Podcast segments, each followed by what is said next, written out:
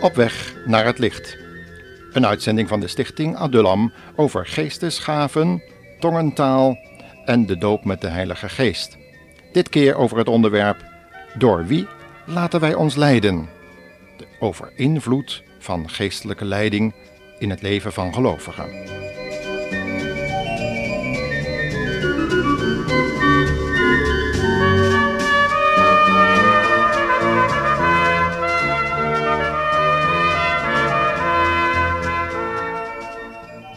Hebt u zich wel eens afgevraagd, luisteraar, door wie u zich laat leiden in het leven?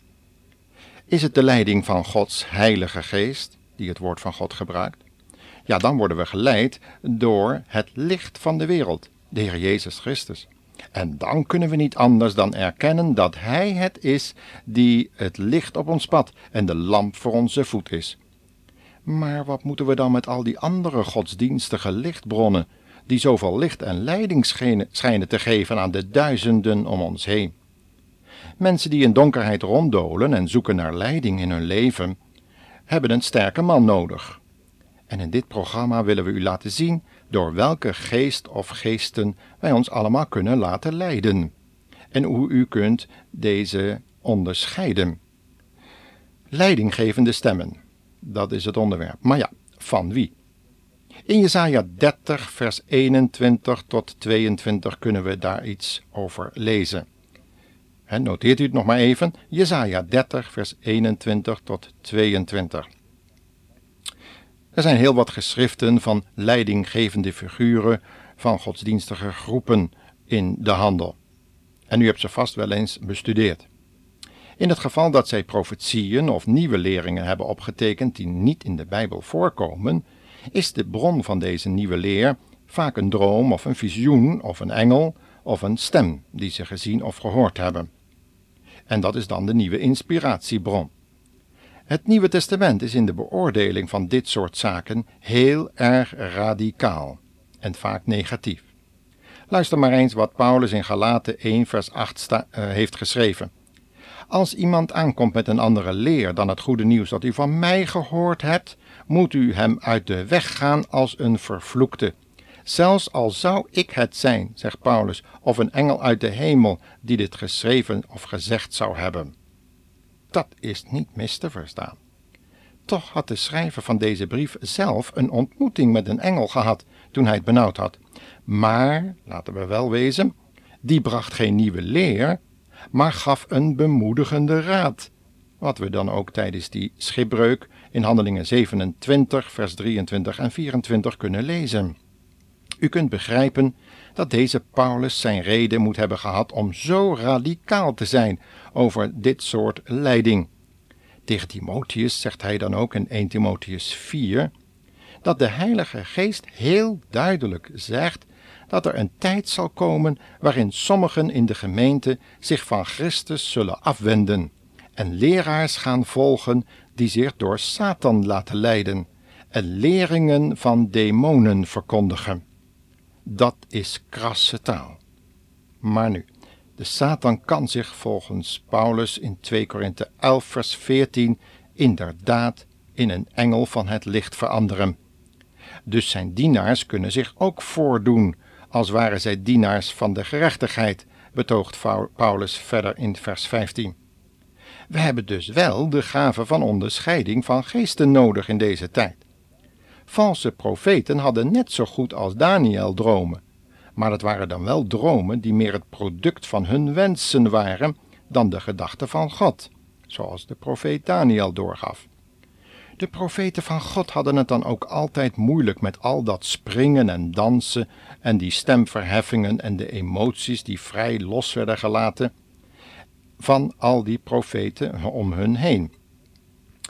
Verstandelijke overwegingen en berekeningen uit geldzucht en eergevoelens, dat waren de leidende geesten die zichtbaar werden in die valse profeten.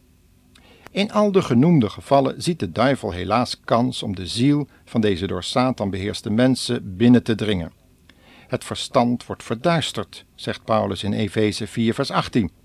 Maar ook de emoties en de wil komen onder een demonische controle. En helaas kan dat ook bij ons gebeuren wanneer we niet waakzaam zijn. In 2 Timotheus 2, vers 26 spreekt Paulus namelijk over gelovigen die in een geestelijk diepe slaap gevallen waren en opnieuw daaruit moesten wakker gemaakt worden door de gezonde woorden van God. Ze waren niet nuchter gebleven en werden heen en weer gedreven met allerlei wind van leer, zoals geestelijke zuigelingen beleven.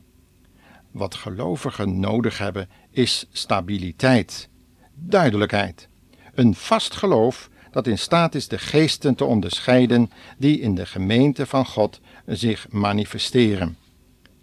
Alleen door de ervaring van Romeinen 6 tot 8, waarin Paulus het groeiproces van een jonge gelovige beschrijft, komen we in een geestelijke, stabiele situatie.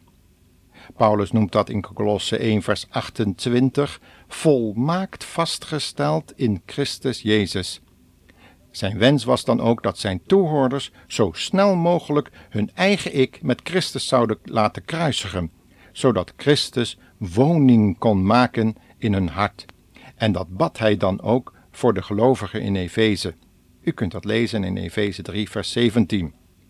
Dat was ook Gods wens toen hij met David sprak over het huis wat hij wilde bouwen, zodat de Israëlieten een vaste plaats zouden hebben om hun geloofsleven bevestigd en opgebouwd te zien, zodat ze niet meer heen en weer gedreven zouden worden door de kinderen der verkeerdheid. Paulus heeft vast deze tekst in gedachten gehad toen hij het over het heen en weer geslingerd worden van kinderen had. U kunt die tekst ook lezen in 2 Samuel 7, vers 10. En ook toen werkte Satan in de zogenaamde kinderen der verkeerdheid, door via hun intimidaties, dromen en visioenen een valse voorstelling van zaken te geven, zodat de mensen verkeerde beslissingen namen die hen tot aan de rand van de afgrond brachten en onder de toorn van God. Dromen, visioenen, stemmen en verschijningen. Het zijn even zoveel gevaren voor het geloofsleven van de christen die oprecht God en de Heer Jezus wil dienen en volgen. De profeet Jezaja heeft enkele eenvoudige opmerkingen over deze moeilijke materie gemaakt. Laten we Jesaja 30 vers 18 tot 23 dus nog eens opslaan, waaruit we enkele kenmerkende dingen zullen aanwijzen die ons kunnen bewaren voor de valse geesten.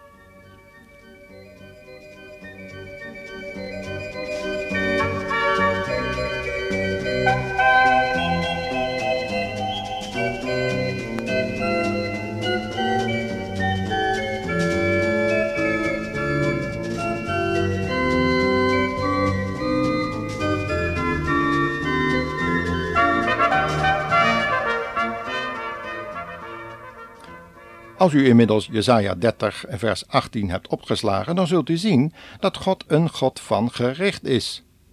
En hoewel God heel genadig wil zijn en dat ook hoorde bij zijn naamgeving op de berg toen hij in gesprek met Mozes was, zal hij nooit tekort doen aan het recht. Vandaar dat het kruis van de Heer Jezus, waarop het oordeel over de zonde losbarstte, altijd centraal moet staan in de prediking. Waar het kruis en het lijden en sterven van de Heer Jezus uit de prediking verdwijnt, sluipen massaal valse en vrome geesten met tekenen en wonderen binnen. En die dreigen de ziel in bezit te nemen, inclusief het verstandsleven. Onze geest verliest dan langzaam maar zeker het contact met Gods Heilige Geest en verschraalt, verliest kracht en inzicht om te kunnen onderscheiden tussen goed en kwaad, zodat het weer door elkaar gemengd wordt. Zonder het te weten, hebben we dan door onachtzaamheid de Heilige Geest bedroefd en zelfs mogelijk geheel uitgeblust, zodat deze niet meer werkzaam in ons is. Dat wil niet zeggen dat hij niet aanwezig is, maar Gods Geest trekt zich dan bedroefd terug. Boze, vrome en dweepzieke geesten van Satan nemen dan de leiding over en brengen ons langzaam maar zeker naar de ondergang, de geestelijke duisternis in. We zullen dus steeds weer het woord van God moeten lezen en herlezen, want daarover gaat het in Jesaja 30. In vers 20 belooft God aan hen die op God willen wachten en zijn woord willen vasthouden in tijden van verval en geestelijke duisternis, dat ze leraars zullen krijgen die hen de juiste leiding zullen geven, zonder dat deze echter de ziel manipuleren of erover heersen Petrus had het al gezegd, als het gaat om goede herders, dan zullen ze niet met dwang regeren en ook zeker geen gezag claimen, maar door hun voorbeeld werkelijk zielenhoeders zijn. Steeds weer zullen deze leraren het woord van God centraal stellen, niet door hun dromen, visioenen, stemmen of engelenverschijningen te laten horen of zien. Daar heeft de hele New Age-beweging het veel over te vertellen. Die staat bol van de genoemde mystieke vormen van leiding en manipulatie van zielen, gedachten en zelfs lichamen van mensen. Zelfs de moderne, schijnbaar liefelijke muziek van deze machtige geestelijke stroming staat in dienst van demonen. Vers 32 verwijst reeds naar de functie van muziekinstrumenten, zoals dat in de tijd van Daniel bijna het einde betekende van zijn drie vrienden. Daniel 3, vers 7 staat dat. En geen wonder.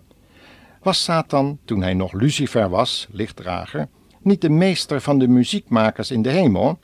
U kunt daarover lezen in Ezekiel 28, vers 13, hoewel vele Bijbeluitleggers daar gewoon een vorst van Tyrus willen zien, maar niet de demon die zich daar van die vorst zich, uh, bezit had gemaakt.